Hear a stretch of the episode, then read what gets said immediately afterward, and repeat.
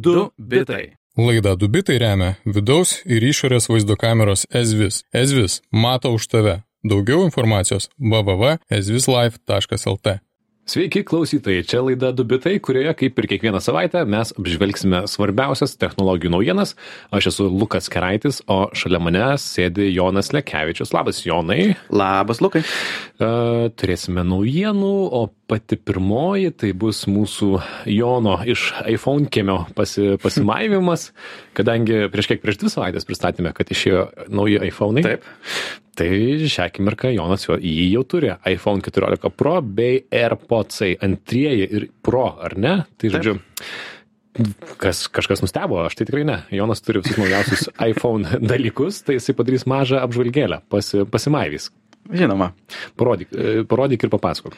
Um, tai penktadienį Lietuvoje pasirodė nauji uh, iPhone ir AirPods modeliai ir aš kaip tokia dorovinga Apple avelė iš karto pirmą dieną viską nusipirkau mes e, retai kada turim tokią galimybę, nežinau, padaryti prietaisų apžvalgą savo laidoje, bet kadangi viskas šviežia ir galbūt keli komentarai jums bus naudingi, tai pabandysim tokį eksperimentuką. Nes tikrai kažkas, naujo. kažkas varsto dar tikriausiai ir verta mm -hmm. iš 13 keltis. Tai pradedant naujų iPhone 14 Pro, a, vizualiai didžiausias pakeitimas yra sensorių tokį įkirtimą viršuje turėjęs a, praeitas dizainas, dabar pakeistas tokia dinaminė sala, kurioje tie sensoriai, sakant, aktyviau galima sakyti dalyvauja telefono gyvenime. Pavyzdžiui, kai aš klausau muzikos arba tinklalaidžių ir uždarau programėlę, tai ta programėlė nukeliauja į viršų, į, į tą sensorių salą ir galima greičiau atidaryti tą grojančią muziką. Labai žavu, naudinga gal kokį kartą per dvi dienas, tai tikrai nėra labai verta dėl, vien dėl to pirkti telefoną, bet uh, žavu, gražu. Iš tiesų, toks didžiausias pakeitimas iš visų, kas. Didžiausias, kas... taip sakykime, nonsensas, ar ne, taip galėtume pasakyti, įvardinti. Visada jungtas ekranas. Taip. Pridėjau savo vertinimą. toks didžiausias gal iš tiesų kiekvieną, kas pusvalandį aktyvus pokytis. Jie pats sukūrė tą visada jungtą ekraną. Um, always on ekranai visiškai nenaujiena. Android telefonai tą jau daro turbūt 5, jei ne 10 metų. Tik Android pasaulyje tie always on ekranai labai smarkiai skiriasi nuo tiesiog užrakinto ekrano, nes fonas beveik visą laiką būna visiškai juodas, uh, būna koks nors ten kampe laikrodis ir ikonėlė su galbūt kokie nauji pranešimai labiau ne visada įjungtas, o ne visai išjungtas ekranas. Um, Apple turbūt išgirdo tą frazę visada įjungtas ir suprato labai pažodžiui. Pas juos uh, tas skirtumas tarp užrakinto ekrano ir always on, to visada įjungto ekrano, praktiškai neegzistuoja. Tai yra išlieka spalvotas ekrano fonas, matosi visi ateinantis pranešimai, net kai groja muzika, rodo albumų viršelius. Tai man pirmas kelias dienas buvo labai labai keista vis dar keista tokie mini šokai kiekvieną kartą užmeti akimis į telefoną ir atrodo kodėl jisai įjungtas tai būtent tai būtent kam kam reikalinga šita funkcija aš nesuprantu Kam Dabar atrodo, pripratau, jau nebėra tokių mini šokų, jog, oh my god, mano telefonas jungtas, uh, bet vis dar keista. Um, nežinau, aš galvoju, ar įjungti, išjungti šitą funkciją. Nes... Galima ją išjungti. Galima išjungti, plius jinai išjungia, pavyzdžiui, miego režime, tai, tai yra apgalvota šitie dalykai, bet uh, vis tiek labai keista. Mhm. Nu, man atrodo, kad turėtų tik dyti tiesiog. Galvoju vis, kad kažkas mhm. parašė, bet aš taip jaučiuosi. Trečias didelis pokytis. Pirmą kartą po septynių metų Apple padidino kameros sensoriaus rezoliuciją nuo 12 iki 48 megapikselių. Iš tiesų, praktikoje standartinėms nuotraukoms tas labai mažai jaučiasi. Vos, vos. Kur skirtumas iš tiesų pasijaučia, tai yra įjungus tą jų RAW režimą, kur jisai, na, fotografuoja kaip fotokameros RAW failų Viena nuotrauka tuomet užima virš 50 megabaitų, tai reikia atsargiai tokias nuotraukas daryti, bet jeigu esi pasiryžęs apdirbti nuotrauką savo rankomis, ne, ne Apple algoritmais, tai iš tiesų kokybės lubos yra pakeltos su šitu desniu sensoriumi. Um, Plus yra šiek tiek pagerėjimas plataus kampo kameroj, geriau tamsoje fotografuoja ir žymiai geriau a, priekinė kamera a, atrodo, nes turi autofokusą, tai nesvarbu, kiek toli yra veidas, atrodo kokybiškai. Tai tas visai gerai selfie atrodo gražiau, ar ne? Mhm. Priversiu Joną pasidaryti selfie kartu ir įkelsime jį į mūsų Facebook grupę technologijų naujienos, taip vadinasi grupė, galėsit įvertinti, ar, ar kažkas pasikeitė, ar gražiau galbūt matysit, arba mhm. mažų mažiausiai mus pažiūrėsit, kaip atrodom. Keletą funkcijų dėje nebandžiau ir nebandysiu. Satelitinė jungtis, uh, siūsti pagalbą žinutėm, čia tas veikia tik tai JAV ir Kanadoje. Dar avarijų atpažinimas ir automatinis pagalbos iškvietimas, kad ir kaip mėgstu jūs klausytojai, į avariją nepulsiu. Vardan patestavimo, ar ne? Vardan Čia, patestavimo. Kas neatsimenate, pasakėm apie šitą funkciją, kad, na, dabar, vat, naujai 14 modeliai iPhone'ai turi šitą funkciją, kad jeigu jau užfiksuotų labai staigų stabdymą tikriausiai, ar ne, ką ten O užfiksuos. jums viską, Tikrai. barometras, e, slėgio pokytį automobilį ir taip toliau. Iš esmės avarija, ar ne, tai automatiškai kviestų pagalbą, bet e, tai Lietuvoje tai neveikia irgi. ar ne? Veikia, veikia. Šitas veikia Lietuvoje. Galiu ir Lietuvoje kliūti į avarijas, Mm. bet gal nereikia. Mm, Nereikia tikrai. Um, kitas naujas prietaisiukas, kurį jau turėjau progos išbandyti, AirPods Pro 2. Tai, manau, didžiausi pakeitimai yra jų algoritmuose, procesoriuje. Triukšmo pašalinimo algoritmas jau iki šiol buvo labai geras, dabar dar geresnis, atrodo visiškai ištrina pasaulio garsus, net ir be jungtos muzikos. Ir jie smarkiai pagerino jų vadinamą tokį permatomą transparency režimą, kur vietoj to, jog panaikint pasaulio garsus, juos kaip tik perdoda atgal į ausines.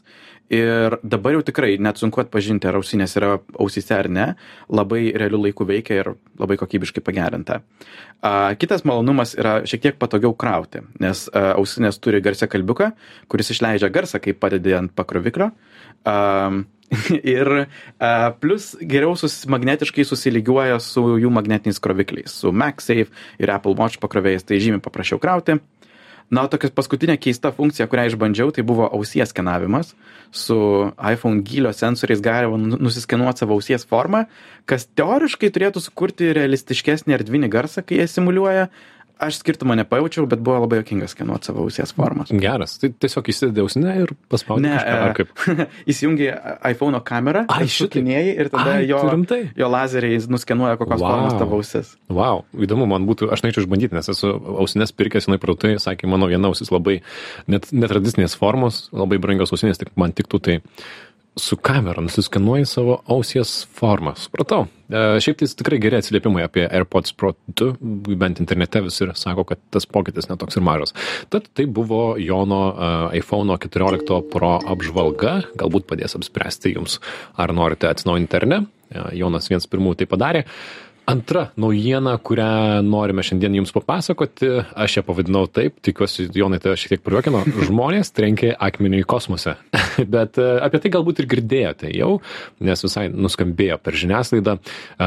Prieš metus mes jums pasakojom, kad SpaceX raketa pakilo į orą su 600 kg sveriančiu erdvėlaiviu ir planuoja nukeliauti milijoną, 11 milijonų kilometrų nuo Žemės, kur visa jėga rėšis į 170 metrų skersmens kosminį kūną pavadinimu Dimorphos.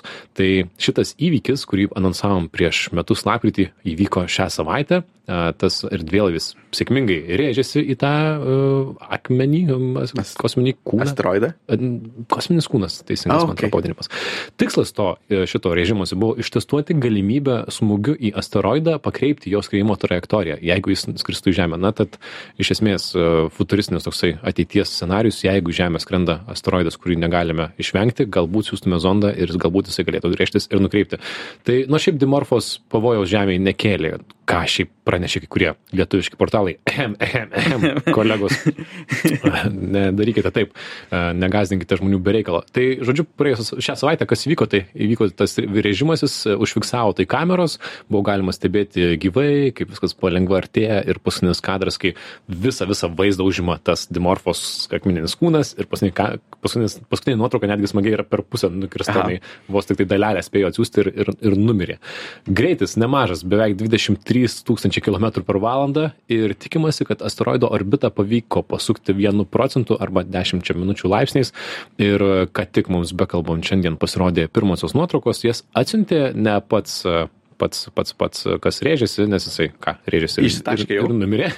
Jas atsiuntė 15 dienų iki susidūrimo nuo erdvė laiviko atsiskyręs mažas 14 kg, beje, italų ko- kosmoso agentūros palydovikas, kuris stebėjo susidūrimą iš šono ir, na, retransliavo nuotraukas.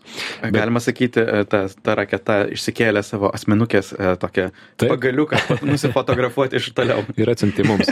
Bet e, ties pasakius, mokslas dar tik dabar prasideda, mokslininkams užtruks paskaičiuoti, ar kaip, kiek pakeitė orbitą asteroidas, ar tai, na, mhm. visiškai sėkmingai įvyko, bet, na, reikės palaukti ir sužinosim. Tas turėtų užtrukti kelias savaitės, nes vėlgi turi stebėti um, bu, anksčiau stebėta tra trajektorija, kaip jinai dabar pasikeitė ir tas pokytis bus tikrai subtilus, vėlgi, kaip minėjai, apie 1 procentą, bet to 1 procento, jeigu tas, palido, tas asteroidas kažkoks artėtų link Žemės, pilnai užtektų, jeigu vėlgi pakankamai anksti sureaguoja į tai. Taip, žmogiškais matais tai reikia jį pastumti porą centimetrų iš esmės, ar netgi milimetrų, nes tiesiog dideli atstumai beprotiškai ir, ir jis jau praskristų pro Žemę. Buvo smagu stebėti tą transliaciją, jokinga matyti, kaip mokslininkai šokinėja iš laimės, kai gyvai stebi transliaciją, kažkas į kažką susiduria, nes dažniausiai, kai susiduria, tai juk visi nuliūsta, ar ne? E, bet tikrai viena įspūdingesnių, linksmesnių visiems vaizduotę žadinančių misijų, kurios kaina netokia maža - 330 milijonų dolerių. Na, bet e, ką galiu pasakyti, šią tam tikrą prasme mes e, atkeršim už dinozaurus, už trito retapsus ir kitus visus, kurie, kuriuos išnaikino kažkada meteoritas, tai mes dabar turime galbūt būdą su jais kovoti. Paaiškės po kelių savaičių, jeigu matematikų modeliai buvo sėkmingi. Nors matematikams tai didžiuliai plojimai. Kaip reikia pataikyti į akmenuką mhm. dviejų futbolo aikštelių dydžio, kurį paleidai už 11 milijonų kilometrų. Žodžiu, mhm. įspūdinga matematika. Aš labai suprantu tos šokinėjančius iš džiaugsmo mokslininkus, nes man atrodo, čia viena linksmesnių misijų. Tačiau aš suprantu, yra smagu paleisti kokį nors labai galingą teleskopą į, į kosmosą, fotografuoti žvaigždės ir visatos gimimą, bla, bla, bla. Žymiai, man atrodo, linksmiau yra paleisti dartą, kuris bam, daužėsi, sproksta, bum ir, ir gali pažiūrėti iš, iš tolo, kaip, kaip smagiai išsitaškė viskas. Aš o, vis dar nesuprantu, kodėl nepridėjo jį šiek tiek, šiek tiek sprogmenų, kad, nu, jeigu jau sprogdinam, tai su, su bam, bum daryti, žinai, su spalvom kokiam nors. Tai va, čia ta naujiena, kurią tikriausiai daug kas ir girdėjote. Žinių radijos klausytojams priminsime, kad girdite laidą Dubitai, kurioje mes aptarėme svarbiausias savaitės technologijų naujienas. Ir kita naujiena šiek tiek rimtesnė. Um, man buvo įdomu apie tai skaitytis. Galbūt taip pat apie tai girdėjote. Irane vyksta nemaži protestai ir yra blokuojamas internetas. Protestai vyksta nuo rugsėjo 16 dienos, kai po vadinamosios moralės policijos sulaikymo mirė 22 metų mergina Maša Amini, kurdė buvo sulaikyta už neva netinkamai dėvimą hijabą.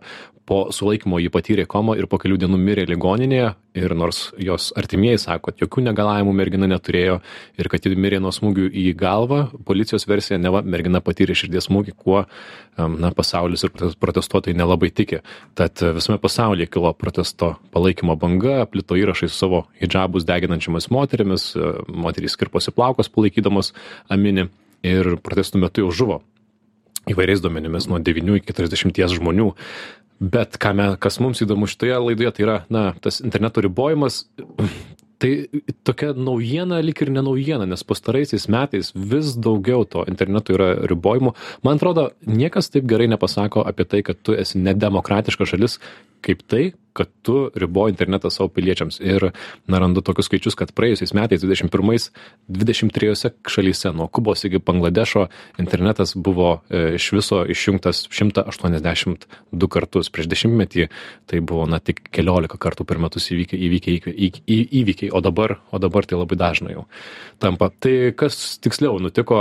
Vatsapas ir instagramas yra blokuojami irane. Vatsapas labai populiari programėlė bemaž pusė populiacijos ten naudojasi naudojasi jie tiktokas jutubas tviteris ir feisbukas yra ne jau šiaip ar taip blokuojami nuo anksčiau juos pavykdavo pasiekti naudojant vpn programas e, neveikia didžiausi mobiliojo ryšio operatoriai ir beje taip pat whatsapp tinkle eina botų siunčiamos žinutės kurie na palaiko e, valstybės poziciją ir rašo pavyzdžiui automatizuotas žinutes atėjau į protesto vietą nieko čia nėra ką čia man meluojat, niekas čia nesusirinko. E, kai kas sako, kad yra blokuojamos žinutės, jeigu juose yra paminimas Amini vardas, būtent tos merginos, kuri žuvo. Tad, e, tad žodžiu, tokia eilinė, neeilinė naujiena. Sureagavo pasaulis be abejo jungtinės valstijos jos iki šiol buvo pritaikiusios iranui sankcijas kurios neleido amerikiečių įmonėms teikti komunikacijos paslaugų iranui ar operuoti jame tačiau ribojimai buvo nutraukti siekiant kad labai tiesiogiai man atrodo elonui maskui pasakant kad štai su savo starlinku bandyk pasistengt pasiekti šalį. Ir elonas maskas pranešė kad starlink internetas irane yra yra yra įjungtas tačiau prisijungimui reikalingų antenų nebus atgabenta kaip ukrainos atveju kai jisai pats ir padovanojo tų antenų ir sako maskas kad jeigu tik kas galit atgabenti antenas į iraną jos veiks na bet tai darote su savo pačio pačio rizika ir čia įdomu yra kad starlinkas kaip pastebėjo tokie politikos komentuotojai ir ne tik technologijos komentuotojai tampa jau jungtinių valstijų užsienio politikos tęsinys. Kai kas ten irgi spekuliuoja kad galbūt jau yra susitarimai su valstybe kad na jeigu kažkas įvyksta kad eloną maską ir jo e, starlink palydovus palydovinį internetinį ryšį siunčia į tas šalis. Bet žodžiu įdomu, kad taip galima apeiti tas autoritarinės šalis, ar ne? Mhm. Vis, visos tos autoritarinių šalių kontrolės mechanizmai, jie veikia per tuos centralizuotus taškus. Tai yra, jeigu valstybė kontroliuoja visą, na, prieimą prie interneto, mobilaus ryšio operatorius, tai gali kontroliuoti vėlgi, kiek tai yra prieinama ir tokie decentralizuoti arba nuo infrastruktūros nepriklausantis prieimai prie interneto, kaip Starlink, galbūt net kiti satelitiniai būdai, kaip, kaip suteikti kažkokią interneto prieigą yra tokia jėga, prieš kurią yra labai sunku pakovoti. Ir kuo tai bus plačiau pasklidę. Ir, ir net yra ir kitų bandymų, pavyzdžiui, kurti tokius um, tinklus iš tarpusavį susijungiančių prietaisų, kur galbūt tai nėra internetas, bet gali sukurti miesto dydžio mešinį tinklą. Tai vėlgi yra būdų, kaip galima su tuo kovoti. Kitas kita tokia technologinė kova, kuri vėlgi matosi, jog smarkiai stiprėja paskutinius kelis metus, yra tas nuo vieno iki kito galo šifravimas, kur serveriai per vidurį negali žinoti, koks turinys yra siunčiamas. Vadinasi, vienintelis būdas, kaip kažką užblokuoti, yra blokuoti visą platformą, Taip. negali blokuoti konkretaus turinio. Ir jeigu vėlgi išsivysto pakankamai stipri ekonomika internete, blokuoti visą platformą gali būti tiesiog neįmanoma ir ir vėlgi tas šifravimas nuo nuo nuo vieno nuo siuntėjo iki gavėjo turėtų būti efektyvi strategija žiūrint ilgo laiko trukme. Taip, tas blokavimas ir pačiom šalims jos ateina, pavyzdžiui, yra skaičiuojama, kad e, tarp 15-16 metų įvykęs aš pasaulyje 81 interneto blokavimas įvairioms ekonomikoms atsėjo beveik 2,5 milijardo a, dolerių. Ir na, Irano atveju, kaip prašo protestuotojai, kad pirmiausia buvo blokuojamas mobilus internetas netgi rajonuose miesto, kur, yra, kur renkasi a, protestuotojai, tai tikėtina, kad na, pavienės mobilaus ryšio antenos buvo blokuojamos, bet paskui, kadangi na, norima susivaldyti daryti, tai blokuojama tokiu didesniu, didesniu mastu. Ir na, tiesiog man atrodo, kad įdomu apie tai kartais pakalbėti, nes gyveni taip saugiai, šiltai, minkštai ir net atrodo neįsivaizduoji, kad čia nueitum paprotestuoti prie Seimo dėl vienos ar kitos priežasties ir tavo atjungtų internetą ir sėdėtum ten ir negalėtum nei parašyti žinutės, nei nusiųsti selfio, kad štai mes protestuojam, kad galite mus palaikyti. Ir įdomu, kad interneto blokavimo technologijos yra palengva eksportuojamos. Pavyzdžiui, Kinija prieš dviejus metus pardavė savo garsiosios didžiosios ugnesinės komercinę versiją Venezuelai, tad, žodžiu, tas interneto blokavimas panašu, kad kitais ar dar kitais metais pasieks kelišimtus kartų per metus. O didžiausia interneto blokuotoja, tarp kitko, yra didžiausia pasaulio demokratija - Indija, kuri daugiausiai kartų mhm. per metus blokuoja, ką mes irgi, naujienos ne visada pasiekia. Uh, Reutersai rašė prieš kelius metus įdomią istoriją, kaip Kašmyro regione, Indijoje po interneto išjungimo, net nežinau, kokiu ten atveju ir tikslu, kokiam politiniam kontekste. Yra išjungiama. Taip. Sustojo turizmo verslas ir liko tiek bedarbių, kad tūkstančiai žmonių iš kelių miestų kas rytą važiuodavo traukiniais į kitus miestus, tiesiog atrašyti e-mailus ir siuntinėdavo savo CV ieškodami, ieškodami darbo. Netgi tam visas buvo terminas Internet Express. Traukiniai, kuriais važiuoji gaudyti internetą. O jo, tikiuosi niekada neteks tai patirti. Tai va, e, tokios naujienos, ne pačios linksmiausios, bet, e, bet iš to, kas vyksta pasaulyje. Galim šiek tiek linksmesnę pašnekėti. Um, iš populiariosios medijos uh, ikoniškasis Star Wars blogiukas, Darth Vader, galbūt žinot, toks su juodu šalmu ir tokiu, kaip jo net balsą pamatyti. Aš irgi bandau, bandau susikaupt, galvoju, gal reikia pa... Žemų ir e, e, dusluojančių balsų. Ne, ne, ne, neišeina, bet pasistengiau. Uh, na, tai tas aktorius, kuris iki šiol garsino Darth Vader, uh, James Earl Jones, nuo šiol nebegarsins uh, šio veikėjo ir jis bus įgarsinamas dirbtinio intelekto. Uh, Bekurdami naują Star Wars serialą, Disney gavo sutikimą iš šio aktoriaus, kuris iki šiol garsino Darth Vaderį, jog jo uh, balsą ateityje atkurtų dirbtinis intelektas. Aktorius, kuriam 21, sakė, jog jau norėtų nustoti atlikti šią rolę, suprantama.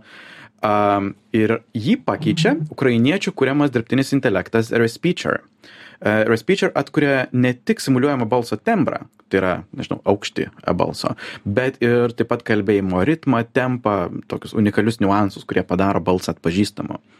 E, tad manau visai įdomu ir tai net nėra pirmas Respeecher ir Disney bendradarbiavimas. Anksčiau Respeecher dirbtinis intelektas buvo panaudotas atkurti aktoriaus Mark Hamill, kuris vaidino Luke Skywalker Walker, tuose pačiuose Star Wars'uose, e, balsą serialui The Mandalorian. Ir, na, nežinau, ką čia pajokauti. Galim sakyti, jog šiuo metu taip jūs girdite mus, tikrą Joną ir tikrą Luką. Nežinau, kaip bus jau aštuntame sezone, gal mes apskritai pa- pasiūsim dirbtinį intelektą mums ir nuorodą surinkti ir galiausiai Juokas įgarsinti. juokais, juokas juokais, žinai, iš tikrųjų, gali juokauti, bet aštuntam sezone, na ką dar, 6-7 metai, mm, visko, visko gali būti. O čia šiaip visiškai yra įdomi tema, nes dabar jau ir atlikėjai, muzikos atlikėjai netgi pasirašinėja sutartis, kad štai ten turiu sutartį su, prieky, su muzikos agentūra, bet a, kai mirsiu, prašau, nenaudokite mano balsų kurti naujų albumų, ką, ką kai kurios agentūros daro, sintezuoja ir panašiai. Galbūt dar kitam kartui kada nors aptarsim. Tai kitą kartą, kai girdėsite Darth Vaderį, žinokite, kad ten kalba nebe žmogus tikėtina naujausiam, nebežinau, kilintam Star Wars filme, nebeseku ar seriale.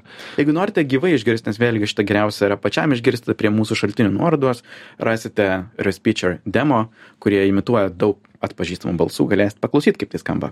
Taip, ir pabaigai paskutinė naujiena iš e, mūsų stalčiaus, kuris vadinasi Apple ir 30 procentų. Atrodo, čia atskiras skiltis. Jeigu būtume mes, e, visas naujienų portalas, čia būtų atskiras skiltis Apple ir 30 procentų. Sportas, politika, Apple 30 procentų. Šiaip e, kripto pasaulyje, tame tarpe ir NFT mainuose yra gili žiema, labai mažai aktyvumo, bet žmonės vis tiek toliau kuria naujus produktus, bando išleisti naujas programėlės. Tarp jų bando sukurti ir naujas NFT prekybvietės išmaniesiems telefonams, iPhone'ams, Androidams, nes iki šiol visos NFT prekybvietės yra tiesiog interneto puslapiai, tokie kaip, pavyzdžiui, OpenSea. Kompanijos bandančios sukurti šitas prekyvietės telefonams susiduria su rimta neperlipama siena Apple mokėjimų taisyklėmis, tuos tie minėti 30 procentų. Nes šiaip standartiškai, e, kai, pavyzdžiui, bandai parduotis kažkokį savo NFT, mokesčiai nėra labai dideli. Nuo kiekvieno pardavimo prekyvietės dažniausiai pasiema apie 2 procentus, kartais mažiau, kartais šiek tiek daugiau. Ir apie 5 procentus keliauja originaliam autoriui, kuris pirmą pardavė tą NFT. Taip. Um, Vadinamieji royalties, kad nesusipainiotume, ar ne, nes NFT parduodant, ne tik pirmą kartą parduodamas uždirbi, bet parduodamas ir antrą, trečią ir šimtąjį kartą taip pat užduod, parduod, uždirbi originalus e, jo kuriejas už to gali. Kas yra dinamika, kuri visai patinka autoriams, nes vėlgi jie gali pasipelnyti iš ateities pardavimų, bet čia nei šis, nei tas. Um, tuo tarpu Apple nori nuo kiekvieno mokėjimo pasimti nuo 15 iki 30 procentų. Kaip netikėta. Labai netikėta. Nes vėlgi, jie tą laiko skaitminį pardavimu, jie nori e, kontroliuoti ir turėti savo pirago dalį nuo kiekvieno skaitminio pardavimo, kuris vyksta jų platformoje ir tai tampa tiesiog e, neįmanoma, kai bendrai mokesčiai yra tokie ne- nedideli. Um, ir kitas reikalavimas, jie reikalauja, visi pardavimai vyktų tos šalies, kurios parduotuvėje esi valiuta. Pavyzdžiui, jeigu e, naudoji Lietuvos App Store, jog visi pardavimai vyktų eurais, nors standartiškai NFT pasaulyje visi pardavimai yra denominuojami kriptovaliutų kainomis. Na ir viso to rezultatas yra toks, jog iki šiol nėra nei vienos programėlės pirkti NFT per iPhone'us, visi kuriejai skundžiasi, jog negali išleisti savo programėlių ir kol Apple taisyklės nepasikeis, turbūt nieko ir nebus. Beje, skundžiasi Apple, bet lygiai tas pats galioja ir Google Play Android'e. NFT programos telefonų yra, tačiau viskas, ką gali juose daryti, yra tiesiog naršyti, žiūrėti, nepirkti. Tad e, įdomu, kaip visgi šita situacija keisis, jeigu NFT rinka iš tiesų plėsis, kiek ilgai šitos taisyklės galės gyvuoti. iPhone'eriai garsiau tiesiog s- skundžiasi, bet man atrodo, kad apskritai nuėjus į Apple, kaip atrodo jų vidiniai surinkimai, nežinau, nes nueini tikriausiai ir sakai, ei, aš turiu idėją, padarom tą ir aną ir sako, gerai, bet ar mes galėsim pasimti 30 procentų? Mhm. Tarsi, nu, tas 30 procentų turėtų jų toks jau būti jau sloganas, nežinau, kodėl jie galėtų pakeisti 32 procentus ar 28, tai bent būtų naujau. Gerai, užteks bambėti tiek naujienų šią savaitę, grįšime kitą savaitę, o po dviejų savaičių bus tokia ypatinga laida, tai jau iš karto anonsuoju, bus iš, iš kelių skirtingų laiko zonų, iš tolimų kelionių. Tad ačiū, kad mūsų klausėte. Kaip visuomet, čia buvo laida Dubitai, mūsų epizode minėtų šaltinius rasite mūsų svetainėje dubitai.com. Mūsų galima klausytis kaip tinklalaidė, kada jums tik tai patogu per Spotify ir kitas tinklalaidžių programėlės. Žiniųradijas.lt yra taip pat visi įrašai. Čia buvome mes, Lukas Kraitis ir Jonas Lekevičius. Dubitai sako iki kitos savaitės. Iki. Iki. Du bitai. Laida Dubitai remia vidaus ir išorės vaizdo kameros Ezvis. Ezvis mato už tave. Daugiau informacijos www.ezvislife.lt.